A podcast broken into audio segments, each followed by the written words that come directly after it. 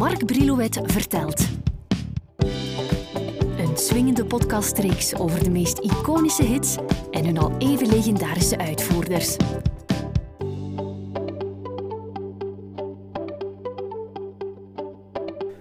Vraag me alsjeblieft nooit welke mijn lievelingsliedjes zijn. Eh, je kent dat, je favoriete top 10 of de vijf LP's die je sowieso wil meenemen naar een onbewoond eiland.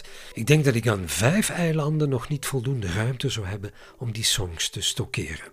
Dichterlijk overdreven, maar je begrijpt wat ik bedoel. Ik persoonlijk hou van te veel uiteenlopende genres om zomaar een paar favorieten op te sommen. Ik hoor net zo graag jazz als opera, als musicals, filmmuziek, pop, R&B, ja ja, tot slagers en smartlappen toe. Ah ja, één genre zal ik niet meenemen en dat is pure metal. Spaar mijn gevoelige oren. Nu wil ik voor deze aflevering toch een uitzondering maken en één favoriete song naar voren. En dat is Mr. Tambourine Man van Bob Dylan in de versie van The Birds. Die versie van The Birds van Mr. Tambourine Man verdient een stevige aanloop. Ik wil vooraf wel kwijt dat ik de gelijknamige LP van The Birds uit 65 al jarenlang zoek op vinyl, de originele persing dus. En ik kan die, jammer genoeg, nergens vinden. Blijven zoeken zal in deze de boodschap zijn. Ik heb dat nummer wel op single in de originele versie van Bob Dylan, want die heeft het geschreven. Dat verhaal moet ik opsplitsen, want hij had het op zijn vierde studioalbum Another Side of Dylan willen zetten, maar vond het niet goed genoeg en schoof het nummer door naar de daaropvolgende langspeler Bringing It All Back Home. In 1964 staat Columbia Records dringend te popelen om een nieuwe LP van Bob Dylan. Hij is in Amerika en daarbuiten stilaan een grote meneer geworden. De 9 juni is het zover, maar voordien trekt hij nog naar Parijs, waar hij logeert bij de Franse folkzanger Hugo Fray, die van hem een ganse LP zal opnemen, Au Fray chante Dylan. Où que vous soyez, accourez, braves gens. L'eau commence à monter, soyez plus clairvoyants. Admettez que bientôt vous serez submergés.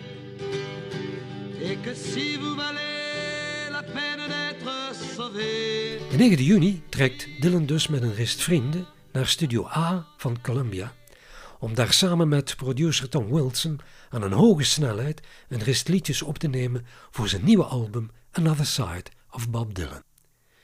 Opvallend is dat Dylan de protestsong achterwege laat en de plaat seert met onder meer een aantal liefdesliedjes, waaronder, toch al bekend inmiddels, It Ain't Me Baby en Spanish Harlem Incident. Gypsy gal, the hands of Harlem cannot hold you to its heat.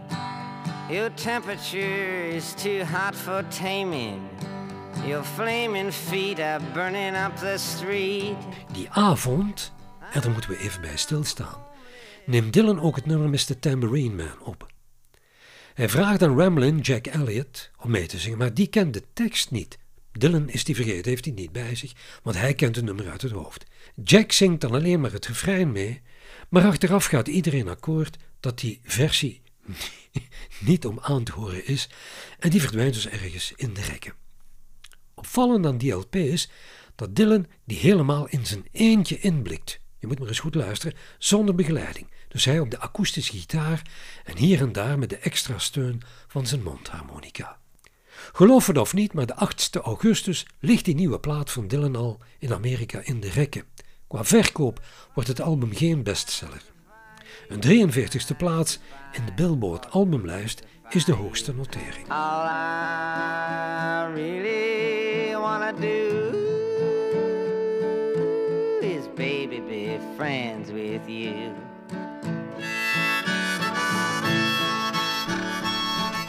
Maar Dylan is vrij snel aan een herkansing toe met de langspeler Bringing It All Back Home.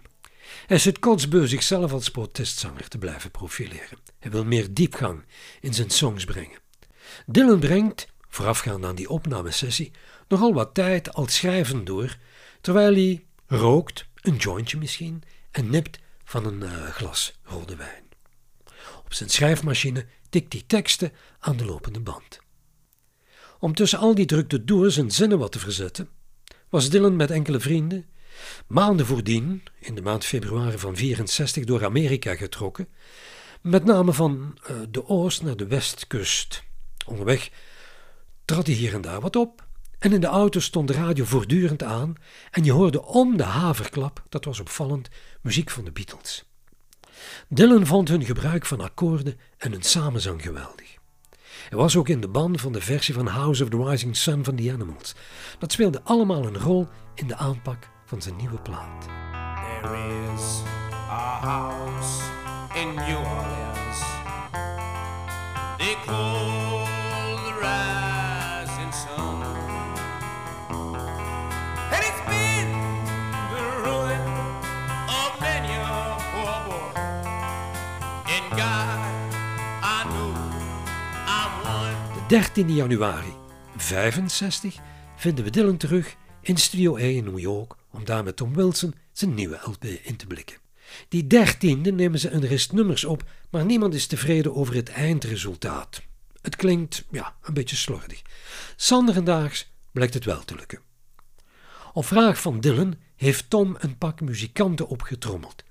Zomaar liefst drie elektrische gitaristen, pianist Paul Griffin, twee bassisten en drummer Bobby Gregg. Wonder boven wonder, heiligschennis, voor de doorgewinterde Dylan-fan heeft de maestro zijn akoestische gitaar voor een aantal songs ingeruild voor een elektrische Fender Stratocaster.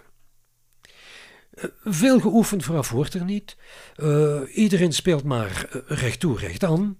Al, moet eerlijk zijn, zal Dylan op een spontane manier met de muzikanten vooraf wel bespreken hoe ze elke song gaan aanpakken. Ook van dienst is Bruce Langhorn, die al eerder op platen van Dylan had meegespeeld. Hij is een meester op de tamboerijn, vooral op die grote Turkse lijstrommel.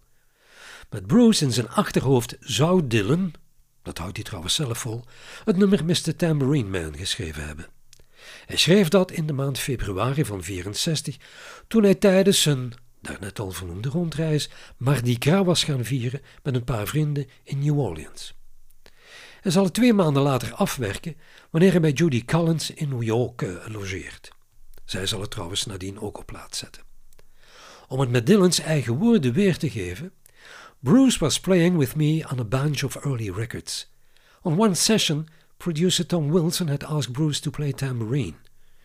And he had this gigantic tambourine. It was really big.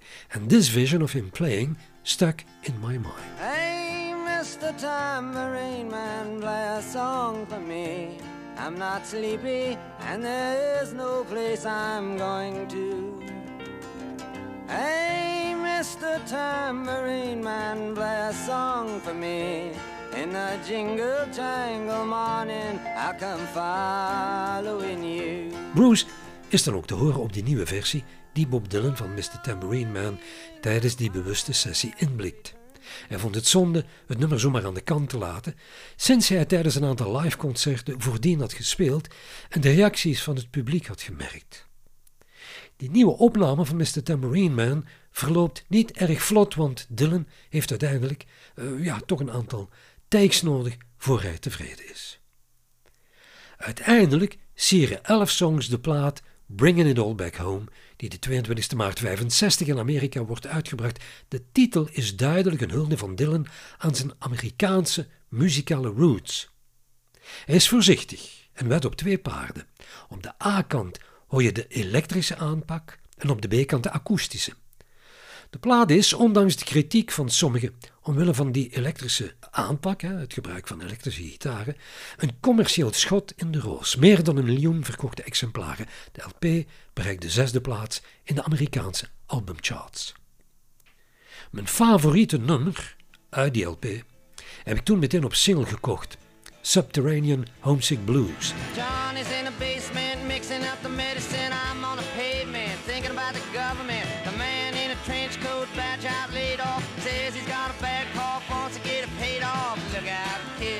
something you did. God knows when, but you're doing it again. You better duck down the alleyway looking for a new friend. The man in a coonskin cap and a pig pen wants $11 bills. You only got 10. Dat nummer werd in de Benelux zo'n meevallen dat dit meteen ook de LP-titel werd waaronder die plaat hier werd uitgebracht. Deze plaat wordt door kenners nog altijd beschouwd als de start van de folkrock. Nu, wat die folk betreft, in Amerika had je begin jaren 60 een behoorlijk aantal folkgroepen die het niet onaardig deden. Onder meer de New Christian Minstrels, de Limelighters en de Chad Miller Trio. Ik noem die niet toevallig, want uit leden van die groepen wordt de Jet Set samengesteld. Maar daarin Jim McGinn, Gene Clark en David Crosby. Die krijgen op zekere dag van hun manager een demo doorgespeeld van Bob Dylan's Mr. Tambourine Man. Je weet wel, die afgekeurde versie die hij samen met Ramblin' Jack Elliott had ingezongen. De heren zijn niet meteen onder de indruk, maar proberen het nummer toch uit. Om een beetje op de Beatles te lijken, geven ze er een elektrische draai aan. Een tijdje later komt drummer Michael Clark bij de band en bassist Chris Hillman. Ze nemen nadien een degelijke demoversie van het nummer op met die elektrische aanpak. Bob Dylan komt iets nadien die demo ter oren wanneer hij bij John Baez op bezoek is. Hij is zo overdonderd dat hij twijfelt aan wat hij voortaan nu moet gaan doen. En gaat daarom meteen op zoek naar een begeleidingsgroep, zoals je daar straks in zijn verhaal hoorde, hè, dat ik vertelde voor die officiële opname van zijn LP Bringing It All Back Home. De Birds die trekken de 20 januari 65 naar de Columbia Studios in Hollywood. McGinn mag zijn twaalfsnarige Rickenbacker gitaar laten schitteren. Hij hoorde die voor het eerst bespelen door George Harrison in de film Hard Day's Night. Producer van dienst tijdens de opname van Mr. Tambourine Man is de zoon van Doris Day, Terry Melcher. Wat de rest van de groep niet zo leuk vindt, is dat er beslist wordt dat ze wel met z'n allen mogen meezingen, maar dat alleen McGinn mag eh, meespelen tijdens de opname. De andere leden worden vervangen door studiomuzikanten, bekend als de Wrecking Crew, waaronder Leon Russell en Hal Blaine. McGinn mag ook de leadzang voor zijn rekening nemen. Hij raakt bijna in trance tijdens het inzingen en vertelt daar jaren later over. I was singing to God, and I was saying that God was a tambourine man. And I was saying to him, Hey God, take me for a trip and I'll follow you. It was a prayer of submission, oftewel een gebed van onderwerping, van nederigheid en dienstbaarheid. Ik moet toegeven, zo heb ik er nog nooit eerder naar geluisterd en jij ook niet waarschijnlijk.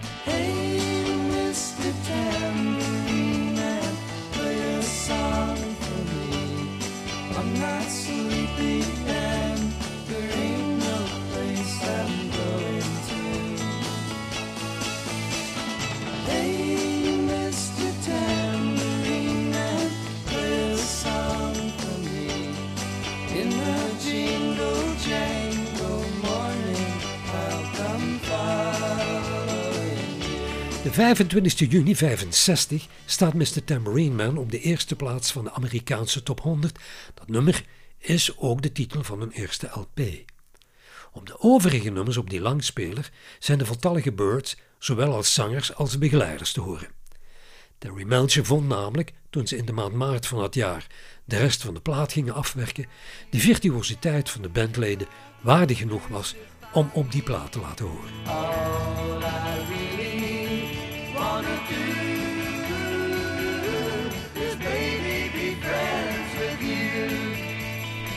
Wat je niet vaak te horen krijgt in dit verhaal, is dat die andere populaire folkgroep, de Brothers Four, nog voor The Birds een versie hadden opgenomen van Mr. Tambourine Man, maar door problemen met de uitgeversrechten moest die versie worden uitgesteld. Die is wel te horen op een LP, The Honey When Blows, die een paar maanden later verschijnt. Maar qua succes visten de heren dus achter het net. Zo zie je maar dat succes soms aan een zijden draadje hangt en vaak veel te maken heeft met the right song on the right place.